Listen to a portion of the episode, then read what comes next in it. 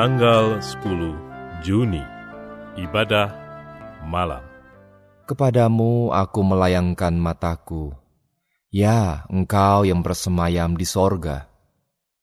Lihat, seperti mata para hamba laki-laki memandang kepada tangan tuannya, seperti mata hamba perempuan memandang kepada tangan nyonyanya.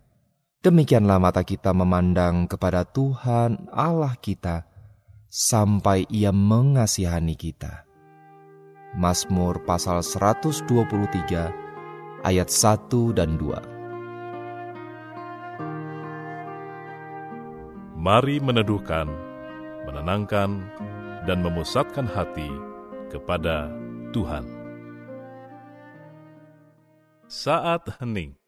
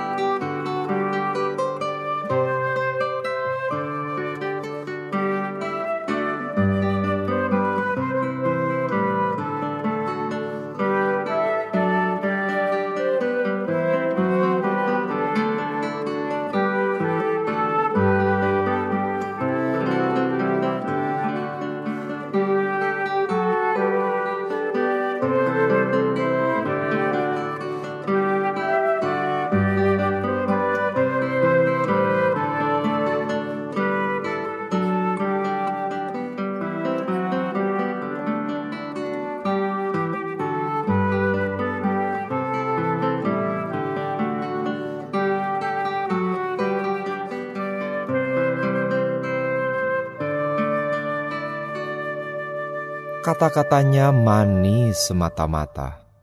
Segala sesuatu padanya menarik. Demikianlah kekasihku, demikianlah temanku, hai putri-putri Yerusalem. Kidung Agung pasal 5 ayat 16.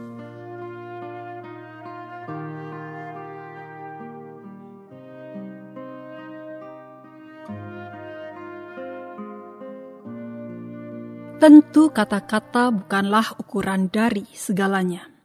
Namun dari budi bahasa yang ia gunakan, kita dapat mengukur kualitas dari seseorang. Memang tidak jarang orang menyembunyikan niatan buruk yang ada di dalam hatinya dengan cara bicaranya yang halus, sopan, dan tertata rapi. Sehingga bila tidak hati-hati, kita akan terpedaya oleh tutur kata yang bersangkutan yang mempesona. Namun bukan berarti dengan demikian maka kita tidak perlu memperhatikan tutur kata kita.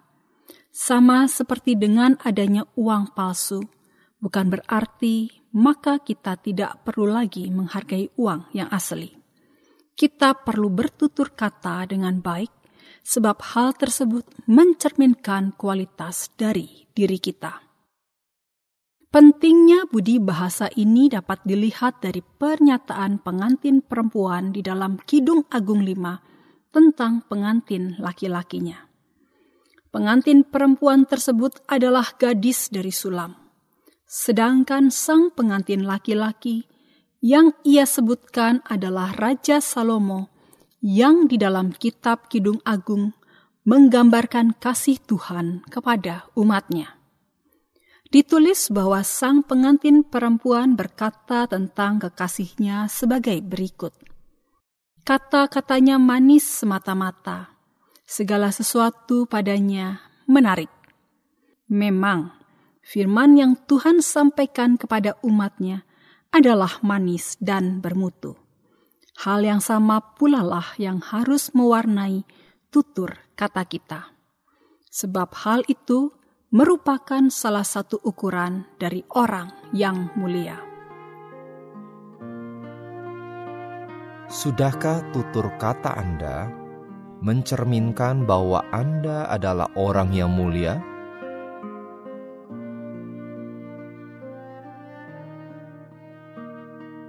Apakah buktinya? Tuhan, firman-Mu indah, manis, dan memberi kehidupan. Penuhilah pikiran, hati, dan mulutku dengan firman-Mu itu, sehingga kata-kata yang kuucapkan juga manis dan membawa pemulihan bagi orang yang mendengarnya. Ampunilah diriku, apabila acap kali aku tidak menggunakan mulutku untuk membangun iman orang lain, tetapi justru meruntuhkan pengharapan mereka. Tolonglah aku untuk dapat menjaga perkataanku, sehingga semua yang kuucapkan menjadi berkat bagi sesamaku dan memuliakan namamu. Aku berterima kasih untuk hari yang indah yang telah Engkau berikan kepadaku pada hari ini. Aku merasakan tanganmu yang penuh dengan kasih telah menggandeng hidupku dan membimbing langkah-langkah kehidupan yang harus kuambil. Dengan hikmatmu, Engkau menolong diriku untuk mengatasi setiap kesukaran dan melewatinya di dalam kemenangan. Aku menyerahkan semua yang telah kukerjakan pada hari ini ke dalam tanganmu dan memohon agar engkau memberkatinya dengan keberhasilan. Di dalam nama Yesus Kristus, Tuhan dan penuntun hidupku, aku berdoa. Amin. Berdoalah untuk orang-orang yang sedang memerlukan dukungan doa Anda.